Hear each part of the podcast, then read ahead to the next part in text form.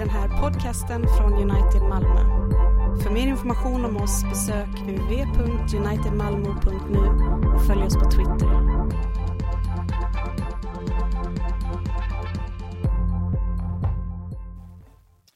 Denna, denna söndags eh, gammaltestamentliga text läses från Ester kapitel 4, 12-17. När Mordecai fick höra vad Ester sagt lät han svara henne Tro inte att du ensam bland alla judar ska komma undan bara därför att du bor i kungens hus. Tiger du i detta ögonblick kommer befrielse och räddning från judarna från något annat håll, men du och din fars familj ska gå under. Kanske var det för en stund som denna som du blev drottning. Då sände Ester detta svar till Mordecai. Samla genast alla judar som finns i Susa och håll fasta för min skull. Ni ska inte äta eller dricka på tre dygn, varken dag eller natt. Jag och mina tjänsteflickor ska fasta på samma sätt. Sedan går jag till kungen trots att det är mot lagen. Är jag förlorad så är jag förlorad. Mordecai gav sig iväg och gjorde precis som Ester hade sagt till honom. Hör Herrens ord.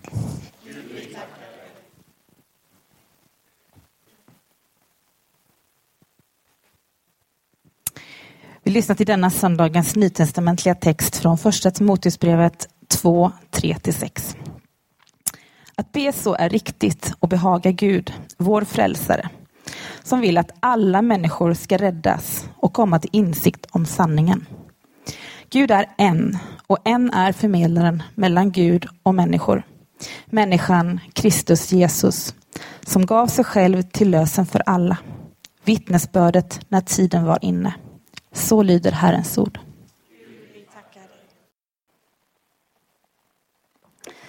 Upplyft era hjärtan till Gud och hör söndagens heliga evangelium ifrån Johannes 12, vers 20 och framåt. Under högtiden fast fanns det bland dem några greker som hade farit upp till Jerusalem för att tillbe. De kom nu till Filippus som var från Betsaida i Galileen och bad honom, Herre, vi vill se Jesus. Filippus gick och talade om det för Andreas och Andreas och Filippus gick och sa det till Jesus.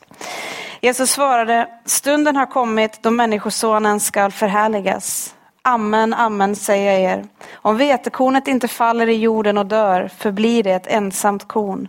Men om det dör bär det rik frukt. Den som älskar sitt liv förlorar det. Och den som hatar sitt liv i den här världen, han ska bevara det och vinna evigt liv. Om någon vill tjäna mig ska han följa mig och där jag är kommer också min tjänare att vara. Om någon tjänar mig ska min fader ära honom. Nu är min själ i djup ångest. Vad ska jag säga? Fader, fräls mig från denna stund. Nej, just därför har jag kommit till denna stund. Fader, förhärliga ditt namn. Då kom en röst från himlen. Jag har förhärligat det och ska förhärliga det på nytt. Folket som stod där och hörde det sa att det var åskan. Andra sa att det var en ängel som talade till honom. Jesus svarade, denna röst kom inte för min skull utan för er skull. Nu går en dom över världen, nu ska denna världens furste kastas ut. Och när jag har blivit upphöjd från jorden ska jag dra alla till mig. Detta sa han för att ange på vilket sätt han skulle dö. Så lyder det heliga evangeliet. Lovad vare du, Kristus.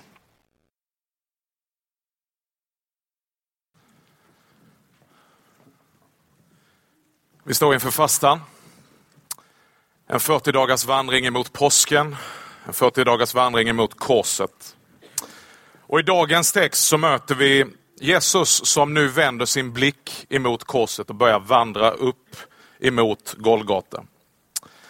Och I den här texten så möter vi också det som, de krafter som vill hindra Kristus från att gå till korset och samma krafter som också vill hindra oss från att gå korsets väg. Korsets väg kan ju låta otroligt dystert men korsets väg kallas också för kärlekens väg. Därför att det är på korset som Guds kärlek tydligast får ett uttryck för oss. Att han älskar oss så att han utgav sin enfödde son för att vi skulle bli frälsta. Eh, och det är Guds kärlek som driver Kristus till korset, ingenting annat. Och det finns ingenting annat som kan driva oss att gå fastans väg och korsets väg. Ingen eh, självspäkning, ingen förhoppning av att jobba på oss själva så att vi ska förtjäna någon slags frälsning, utan bara drivna av Guds kärlek, så går vi korsets väg. Den kärlek som Johannes säger i sina brev att vi älskar för att han har först älskat oss. Och den kärleken får ett uttryck i det att vi säger nej till saker i kärlek till Gud och i kärlek till vår nästa. Inte för att bli älskade, utan för att vi är älskade. Inte för att sätta ut vår kärlek på demonstration och utställning, utan bara som en naturlig frukt utifrån den kärleken som Gud har skänkt oss.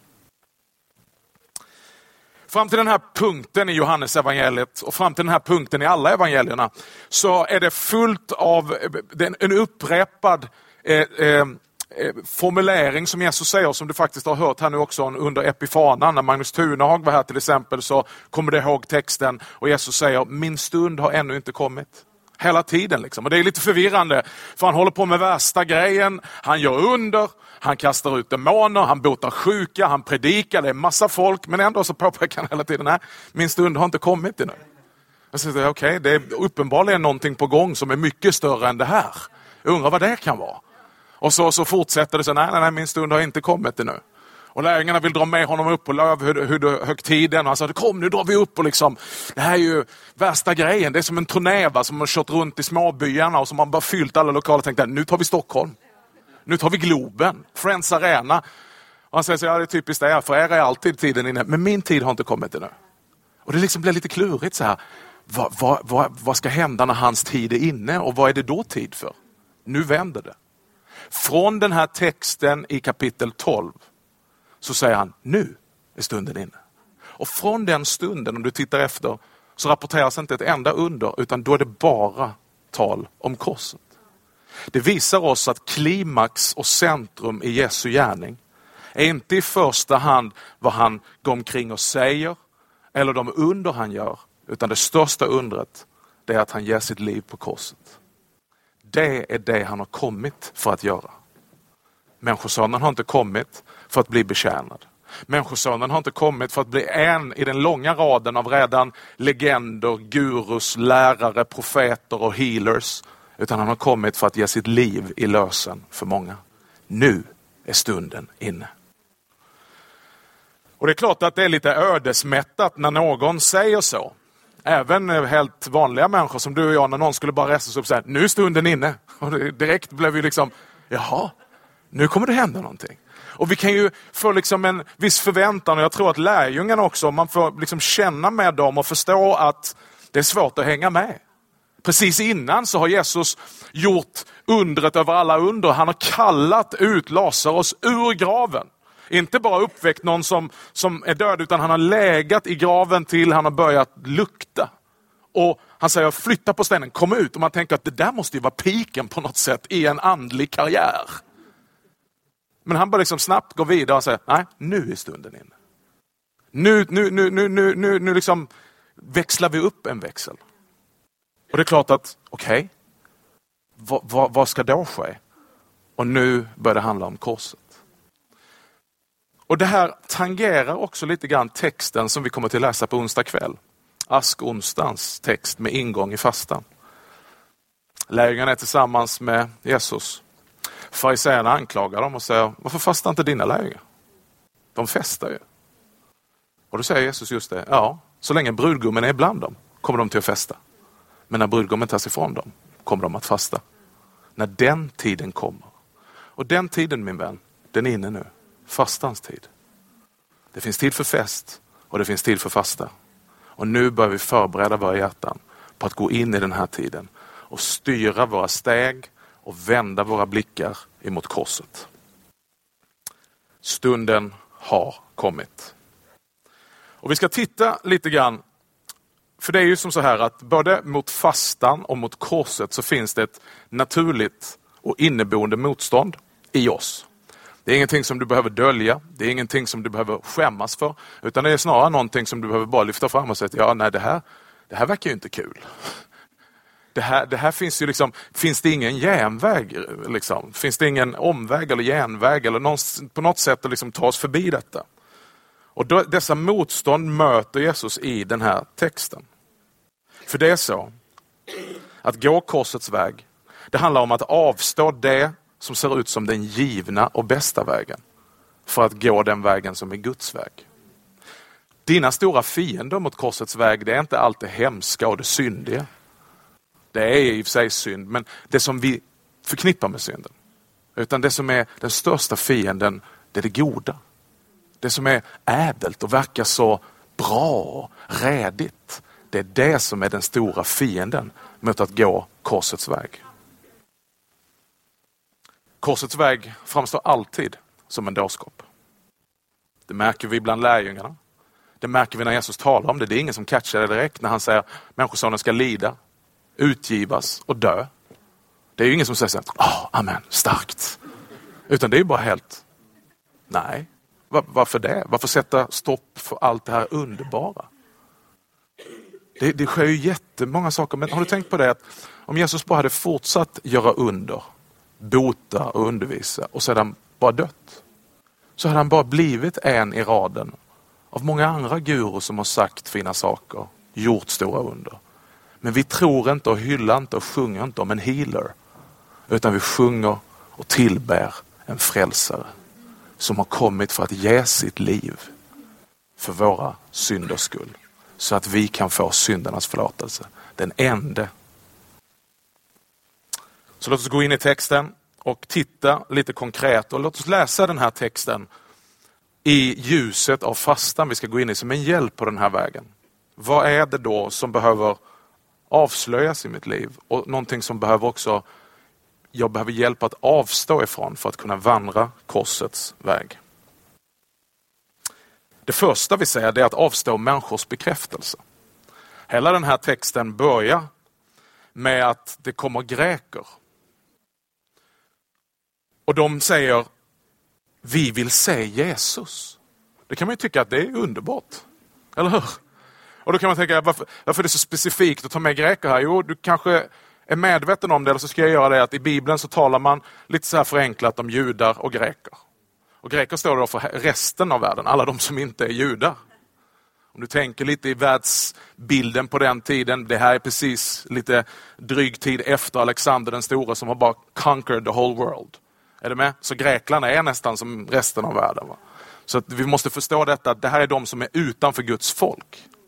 Och En sak är att massa judar springer efter Jesus och tycker att det här är spännande eller besvärande. Men nu börjar folk komma från andra platser och fråga efter Jesus. Och Du kan ju tänka dig om man är lite tour manager för Jesus. Om man är producent för hans karriär så tänker man så här, det går bra nu. Kanske kan liksom planera en turné till Aten. Så att Andreas och Filippos, eller Filippos som får först kontakt med dem, han går till Andreas och säger du, det, det, nu, nu kommer grekerna. Och de går till Jesus och säger, det, det, det, är lite greker här som vill, som vill. De har säkert hört att du väckte upp Lazarus och så vidare. Tittar man på vad det här ordet betyder, Herre vi vill se Jesus, så säger bibelforskarna att det är ett uttryck som handlar om att ja, vi skulle vilja ha en intervju med honom. Kan vi få ta en selfie med honom? Ja, det säger inte bibelforskarna, det var jag som sa det. Men det är liksom, i det här, det är inte så här, wow, vi har förstått att han är frälsaren, utan med det är liksom, det är bara uppståndelse, han verkar vara det hetaste nu. Vi vill gärna ha en bild tillsammans med honom för albumet. För vi är här som andliga turister. Vi ska se på spektaklet här i Jerusalem och nu har vi sett den här New Kid on the Block. Och vi vill ju kunna visa det för våra barnbarn. Kolla här, vi, liksom, här är vi utanför så vi får inte missförstå detta. Och likadant, vad har det här för någon bäring? Jo, det kan vara så också att vi kan skapa en otroligt stoj. Vi kan skapa en otrolig uppståndelse och folk säger så här, ah, jag vill också vara med här för här verkar det hända grejer. Men vi måste lära oss av Jesus. Att det inte som lärjungarna jämt faller till föga för det här. Blir jämt smickrade av den här bekräftelsen och jagar detta. Lite grumliga motiv och så, oh, ja, ja, ja, kom, kom. Och så kommer de till Jesus Texten bara fortsätter. Han svarar inte ens. Han säger inte liksom, nej jag har inte tid nu, eller sätt upp dem på väntelistan. Eh, eh, jag har lite meet and greet sen efteråt i green room. Utan han bara han bara går och fortsätter. För att nu är stunden inne, inte för att ha meet and greet med greker. No offense, Sofia. utan, utan fokuset handlar nu om korset. Och vad säger han om korset? Jo, att när jag blir upphöjd ska jag dra alla till mig, inklusive grekerna. Alla hedningarna. Det är vägen. Det är inte att vi står här, vi tar dem vi kan få och titta här är någon som är intresserad, nu är det viktigt, utan nej. Inte bara folk som har blivit lite attraherade och berörda, utan de som Gud drar till sig kan bara ske genom att jag blir upphöjd. Och Det här är ett konstant tema genom evangelierna. Jesus har varit i Kafarnaum. Det är uppståndelse i hela stan. Det står att alla som hade någon sjukdom blev botade. Hyfsat resultat. Tidigt nästa morgon så drog han sig undan i ensamhet. Och lärjungarna kom och letade efter honom. Och så, hela staden söker dig. Bra, då går vi åt ett annat håll, säger Jesus. Han tänker inte som vi. Han avstår här frestelsen för att falla till föga och bara söka publik och vara en publik och hålla på med publikfrieri. Utan han vet det, bara den som Gud drar. Du vet, vi kan ha en tillfällig uppgång då det är lite spännande och du är välkommen. Men det enda som håller, det är de som Gud drar genom korsets förkunnelse. Och då förstår man att då behöver Gud dra folk. För det är inget naturligt som när man lyfter upp korset. Så här, ja men det där verkar ju kul. Kan jag få ta en selfie? Utan det där måste man bli drabbad av evangelium och dragen av Gud. Och Jesus säger, nej, vi behöver inte falla till föga. Utan när jag blir upphöjd ska jag dra alla till mig. Det andra är då att avstå alla dessa mängder av järnvägar och vägarna utan kors. Det är som att man kan spana och titta och säga så här, finns det en väg man kan gå här där korset är bortplockat? Finns det en annan väg förbi detta? Som jag sa så sa han, när jag blir upphöjd från jorden ska jag dra alla till mig. Korset är centralt av allra största vikt för Jesu verk. Det är där klimax i hans gärning sker. Och han litar fullständigt på korset. Han behöver liksom inte då, som vi sa, falla till föga och hålla på med massa spektakel för att dra folk. Utan han vet att när korsets verk är utfört så kommer det dra den som Gud kallar. Och vi måste förstå att den kyrka som inte litar på korsets kraft, den måste hålla på med massa spektakel. För att dra folk, för att imponera, för att skaffa massa folk som säger, ja men du vi vill också se den där Jesus. Men bara den som lyfter fram Kristus och honom som korsfäst kommer till att få se hur Gud drar människor till Kristus. Oavsett tingen och tangel. Oavsett om det är fett eller inte så fett. För då är det korset.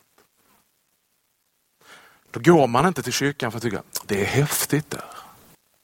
Utan jag är i behov av att äta livets bröd. Gud har dragit mig dit. Johannes understryker detta redan i sjätte kapitlet hur det går till när människor kommer till Kristus. Johannes han citerar Jesus själv i tre olika verser i Johannes 6, du kan se dem på skärmen. Alla som Fadern ger mig, de kommer till mig.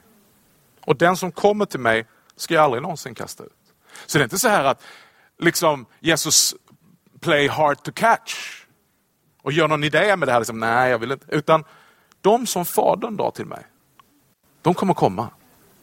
Och de ska jag aldrig någonsin kasta ut. Vers 44. Ingen kan komma till mig om inte Fadern som har sänt mig drar honom.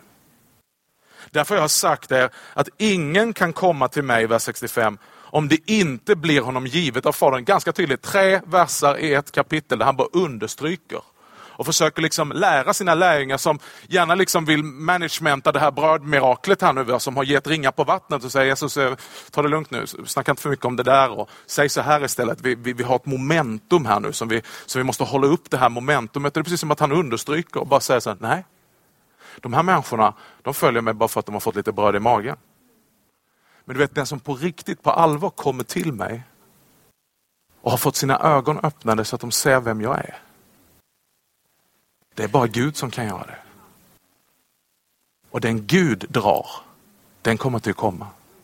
Men bara den Gud drar.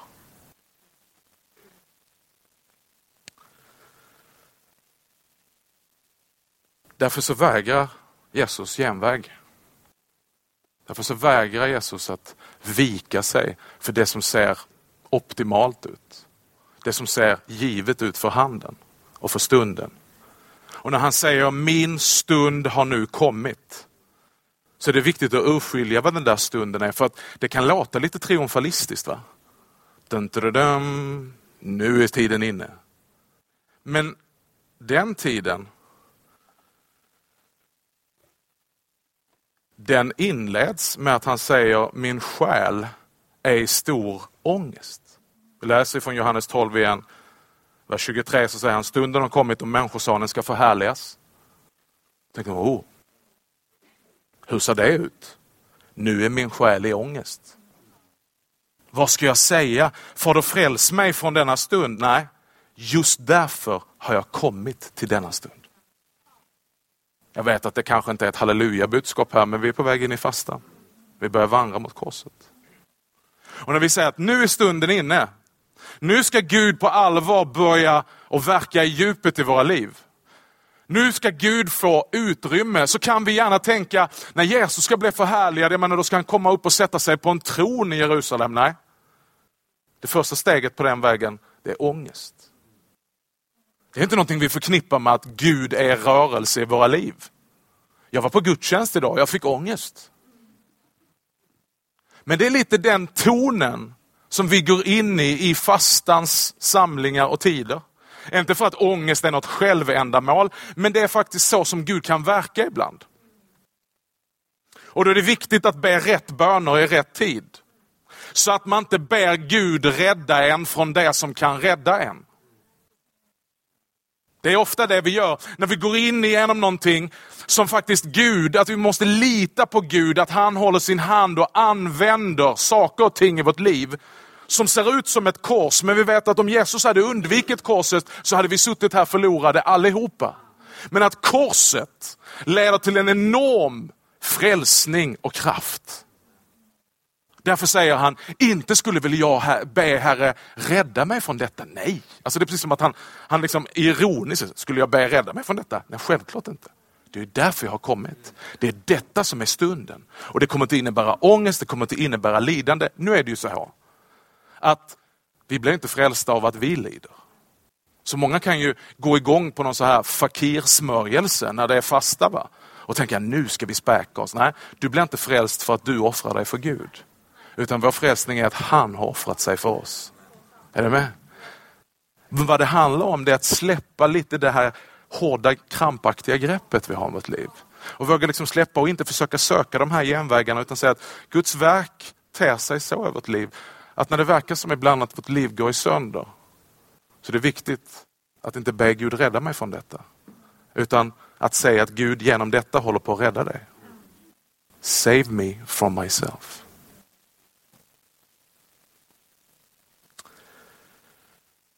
Det tredje vi ska titta på det är att vi behöver lära oss att avstå kontrollen från våra egna liv och överlämna dem i Guds hand. Jesus fortsätter på det här temat och det här är väl temat för texten kan man säga. Vers 24 och 25. Amen, amen säger er. Om vätekornet inte faller i jorden och dör förblir det ett ensamt korn. Ganska självklart. Håller man krampaktigt fast i ett vetekorn så, ja det blir ju bara ett vetekorn. Det händer ingenting. Men om du släpper ner det i jorden, släpper kontrollen, släpper du ser inte det längre. Du ser inte vad som händer. Och du kan inte hålla på att gräva upp det och inspektera varenda dag. Utan du får bara lita på, det är någonstans att du, du har ju den tron. Att när vi sår det där fröet så, så vet vi, ja, det, det händer ingenting. Nej men ta det lugnt. Ja, men det händer ingenting. Nej men det fixar sig liksom. Alltså den, det är en sån, vi har en sån klocketro på det. Halleluja. Det är bra uttryck. Alltså det är bara, det är bara själv, går som en klocka. Självklart, sluta, nu gör vi någonting annat. Liksom. Ta en kopp kaffe. Det, det kommer hända. Och så kommer vi ut så bara, Woo! Men så tar han in det på våra liv. Den som älskar sitt liv, han förlorar det. Men den som hatar sitt liv i denna här världen, han ska bevara det och vinna evigt liv. Starka ord. Och Läs nu inte in, jaha, så vi ska bli sådana här självdestruktiva människor som ska bara gå omkring och hata livet. Va? Kanon, jag har fått ett jobb som jag hatar nu. Jag bara hatar det. Och, och det är precis som Jesus säger, va? varenda söndag kväll jag tänker att det är måndag, min själ är i stor ångest nu. Ska jag då be Herre Gud rädda mig från detta? Nej, just för den här stunden har jag kommit. För att lida på mitt arbete. Gud, ser du mig nu? Alltså det finns så mycket sjukt. Om du, om du liksom inte kan Bibeln ska du inte försöka göra en grej av det. Utan det här handlar om, för det första, liv här kan du förknippa med ett bättre ord, hade varit sitt ego. Den som älskar sitt ego, den som styrs av sitt ego, sina planer, sin självupptagenhet och som krampaktigt håller fast vid sitt liv och ska liksom med millimeterprecision styra det enligt my life design. Känner någon som har ett bolag som heter det? Han kommer förlora det. Men den som släpper greppet om sitt ego, som inte låter egot vara herre i livet, utan överlämnar sitt öde i mina händer. Han ska finna det. Så du måste bestämma dig, och kanske här under fastan, att evangeliet talar inte om att skapa sitt eget liv. Utan evangeliet handlar om att ta emot liv. I den här världen så säger vi, du är din egen lyckas med. Ditt liv blir vad du gör det till. Du måste ta ansvar. Du måste skapa ditt liv. Men evangeliet handlar om, vi tar emot liv. Nytt liv från himlen. Mitt liv formas inte främst av mig. Det betyder inte att vi abdikerar och tar inga beslut. Liksom. Så bara, nej, det är bara Gud. Liksom. Det finns alltid diken på båda sidorna. Utan att leva på livet. Inte vara neurotisk och tänka så här, jag undrar om jag ska gå till jobbet idag? Ja, säger Herren, det ska du göra. Annars kommer du förlora jobbet, säger Herren. Amen, ta emot det profetiska budskapet. Det är väldigt enkelt, du behöver inte göra det så krångligt och överandligt och hålla på och liksom, tänka efter, utan bara lev livet. Och tänk och liksom att Gud säger, Gud, det här, det här jag gör. Min familj, att vara pappa, att misslyckas, att ibland lyckas, att, att, att gå till jobbet, att, att vara med här i kyrkan och, och tjäna i kidsteamet. Och här, liksom. Jag håller inte på så liksom, är det det här jag ska göra? Jag kanske ska förlora det här för din Nej, utan förlora din stora plan om det här. Och ditt ego och bara säga Gud, det här är din hand. Och jag kan inte forcera fram liv i detta. Utan jag kan bara ta emot det livet du ger. Och vet du vad det underbara är? Att det vi föder och producerar i vårt kött, som man säger i Bibeln, det kommer vi behöva hålla vid liv. Och det kommer ändå till att dö. Men Bibeln säger, det som är fött av Gud, det övervinner världen. Det övervinner allt, det håller han vid liv. Och därför är det kanske den bästa medicinen mot vår tids utbrändhet, stress, frustration, krampaktig ångest och sådana här kontrolldemoner som vi har över vårt liv. Det är att säga med Jesus, i dina händer lämnar jag min ande. Gud låt det bli med mig så som du har tänkt. Amen.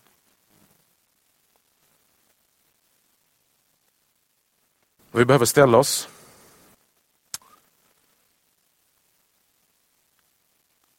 Vi släpper det. Vi går vidare till vers 4. Ska det strax sluta. Och Det här handlar då om att avstå egna vägar för att följa Kristi väg. Han fortsätter i vers 26. Om någon vill tjäna mig så ska han följa mig. Och där jag kommer och där jag är kommer också min tjänare att vara. Om någon tjänar mig så ska min fader ära honom.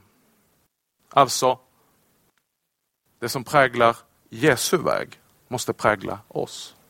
Det som är mönster för Jesu tjänst måste också bli ett mönster för vår tjänst. Vi kan inte hitta på egna och säga, ja men det var jättebra att Jesus gjorde så, men vi, vi gör lite mer så här. Utan han säger, den som vill tjäna mig, han måste följa mig. Han måste färdas på de vägarna där jag färdas. Han måste följa det mönstret som jag går. Och En fråga vi skulle kunna ställa oss i ljuset av det, det är skulle jag välja att vara i de bästa tänkbara omständigheter utan Jesus? Eller välja att vara i de värsta tänkbara omständigheter med Jesus? Naturligt så skulle vi naturligtvis säga, jag vill ha de bästa möjliga omständigheterna. Utan Jesus. Där sätter det lite i halsen. Va? Men om vi ska vara helt ärliga, så ungefär så gudlöst är vårt hjärta. Så liten är vår tro så vi tänker att de bästa omständigheterna utan Jesus måste vara bättre än de värsta omständigheterna med Jesus. För sådär jättebra är inte Jesus. Alltså kanske på ett andligt plan och på ett evighetsplan men, men i livet. Och det här är ju syndafallet, eller hur? De är där, de har allting och de är med Gud. Men de tänker att det finns ett liv om jag bara får den frukten. Det där vi har begär av. Utan Gud så är det ändå bättre än att ha allt det här andra med Gud. Och du vet, Det där tänker du och jag tolv gånger varje dag. Så väljer vi, så, ja fast det här är bättre omständigheter. Ja fast Jesus går där. Jo, men jag väljer nog hellre bättre omständigheter utan Jesus en stund. Än att välja, oh, det här blir värre omständigheter. Men vet du vad? Jesus är där. Med Jesus. Och för att göra det väldigt enkelt med någonting som är väldigt svårt. Det är det som är korsets väg att följa Jesus. Att inte ta det som verkar givet, det här är ju bästa vägen. Ja, fast den är utan Jesus. Det är inte kärlekens väg, det är inte korsets väg. Utan det är egenkärlekens väg. Det är klart att det alltid är mycket bättre att drivas av sitt ego. Det känns ju mycket, det här känner jag på. Det är ju jättejobbigt att säga, ja, fast du kanske ska säga nej till det och hjälpa din nästa. Ja, det är ju bökigt med att ha massa nästa i sitt liv. Eller hur? Det är som min kära gode vän kollega sa att kyrkan är helt underbar om det inte hade varit för människor. Det är ju bökigt med människor. Eller hur? Det är bökigt med familj. Det är ju bökigt med, säger du som har familj, så finns det de som bara längtar efter en familj. Det kanske vi ska tänka efter ibland. Va? Men det är klart att, att säga nej till mig själv för att gå en annan väg, det gör vi inte naturligt. Och det kommer inte du göra naturligt efter fastan så du bara kliver ut ifrån fastan som värsta Moder Teresa. Där liksom. Jag har fastat från mobiltelefon i 40 dagar, jag är helt förvandlad. Kom bara, kom mina barn. Nej, utan det tvärtom så är det ju den bön vi behöver be mest under fastan. Det är ju att vi ser detta och vi behöver inte få någon djup ångest över det. Utan lyfta fram det inför Gud och säga så här, Herre, här är jag igen, din själviska tjänare. Som mest utnyttjar dig för mina egna syften. Herre Jesus Kristus, Guds son, förbarma dig över mig syndare. Det är den underbara Jesusbönen som vi bara kan ha med oss och be eh, regelbundet under dagen. suckade tyst för oss själva, högt i bilen. Herre Jesus Kristus, Guds son, förbarma dig över mig syndare. Förbarma dig över mig så jag inte hela tiden tittar efter min egen väg. Utan jag vågar följa dig på din väg. Och för oss som kyrka, vi ska inte få hamna för mycket i det individuella, personliga, jag, min fasta, utan vi gör det här som kyrka. Vi tänker att Gud ska ha sitt verk i vår kyrka. Så du inte överfokuserar på din egen andlighet. Utan det här är en gemensam resa vi gör. Så Gud, ha din väg med vår kyrka. Och hjälp oss att, att våga avstå det här som är våra egna vägar. Och det som präglade dig och det mönstret för din tjänst, låt det prägla oss. Så att vi blir utgivande och vågar säga nej till snabb framgång enkla vägar, genvägar och säga vi följer dig Jesus. För där, om vi följer dig så kommer du i alla fall vara med oss.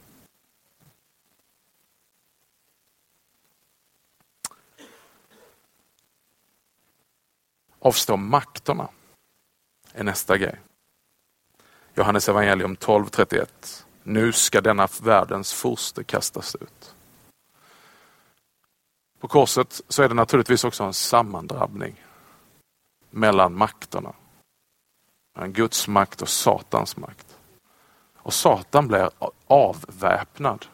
Vi kan läsa om hur Paulus utvecklar detta, Kolosserbrevet. Att detta sker på korset. Och då kan man tänka, men det där är ju inte liksom platsen för en stridsscen. Det där är ju bara människor som bara ger upp och sträcker ut händerna och bara dör. Det känns ju som att det är Satan som har vunnit. Ja, och precis så avväpnar Gud ondskan. Det är så Gud bemöter det onda. Inte det att han tittar genom fingrarna, inte det att han inte bryr, bryr sig om det, utan han avväpnar det med kärlekens makt. Med korsets kraft. Fastan är också en tid då vi kommer på ett alldeles sätt in i en andlig strid. Och då makterna avslöjas och syns i våra liv. Då demonerna börjar ropa lite grann. tar man det här på allvar så, så gör de det. Och då menar jag inte liksom, du kan tänka bort alla dina liksom, filmvarianter. Utan det kommer liksom börja skrika och, och liksom gnälla som i en gammal dörr. Va? Liksom bara i olika saker. Man bara känner att här, här, här var det grejer som satt fast i mig.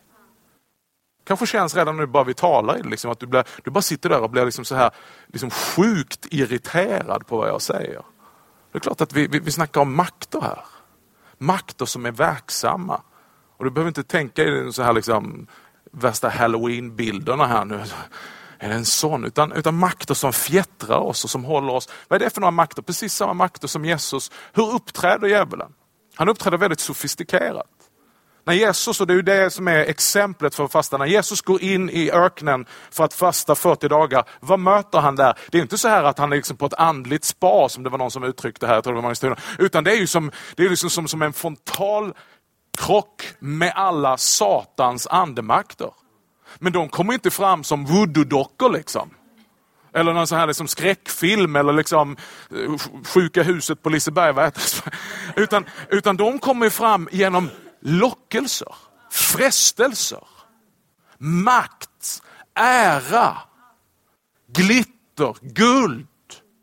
Du kan få detta istället. Skit i det här. Ta inte korset. Och vad är det Satan är ute efter? Gå inte korsets väg. Gå inte, gör inte detta. Släpp det. Du kan få det här istället.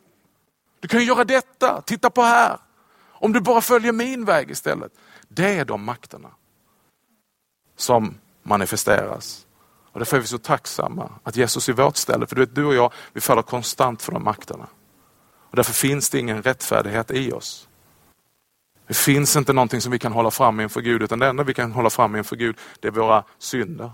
Det var misstag, så här är jag, jag, jag föll igen. Oops, I did it again. Jag föll för det här glittret, jag föll för det här guldet, jag föll för den här ambitionen. Men vet du vad? Se Guds lam som tar bort världens synd. Se Jesus Kristus som står pall där vi har fallit. Som säger nej, där vi sa ja tack.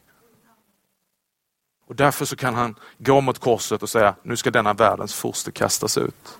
Han säger vidare i kapitel 14, för att i mig finns inget som tillhör honom. Han har inte en enda krok på mig någonstans. Det är clean house. Och Detta är en process som vi inte blir färdiga med under årets fasta. Men någonting som vi behöver vara medvetna om.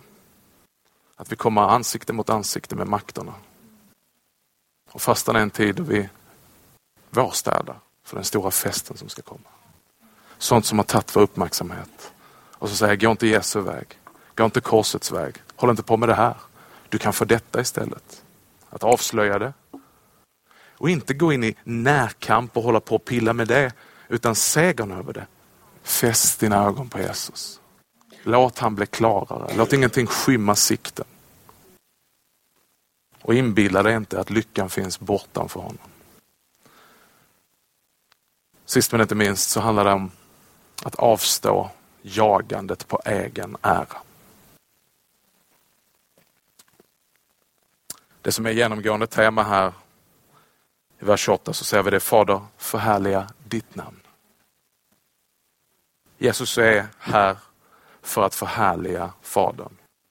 Att inte göra så stor poäng av sig själv. Utan han överlever det i Faderns hand. Gud, du, du kommer förhärliga mig, men, men jag kommer förhärliga dig. Oj, oj, oj, vilken befrielse det finns i det. Att inte själv vaka över mina egna intressen, utan lämna det till Gud. Gud, låt det ske i din tid. Gud, jag kommer att vara upptagen, inte av mig själv, utan att leva till din ära. Och då vet jag att om du så önskar så kommer du till att upphöja den som ödmjukar sig. Men den som försöker slå sig fram, den kommer du att hålla tillbaka. Vår roll i skapelsen, vår hela livsuppgift, man's chief end, is to glorify God and enjoy him forever.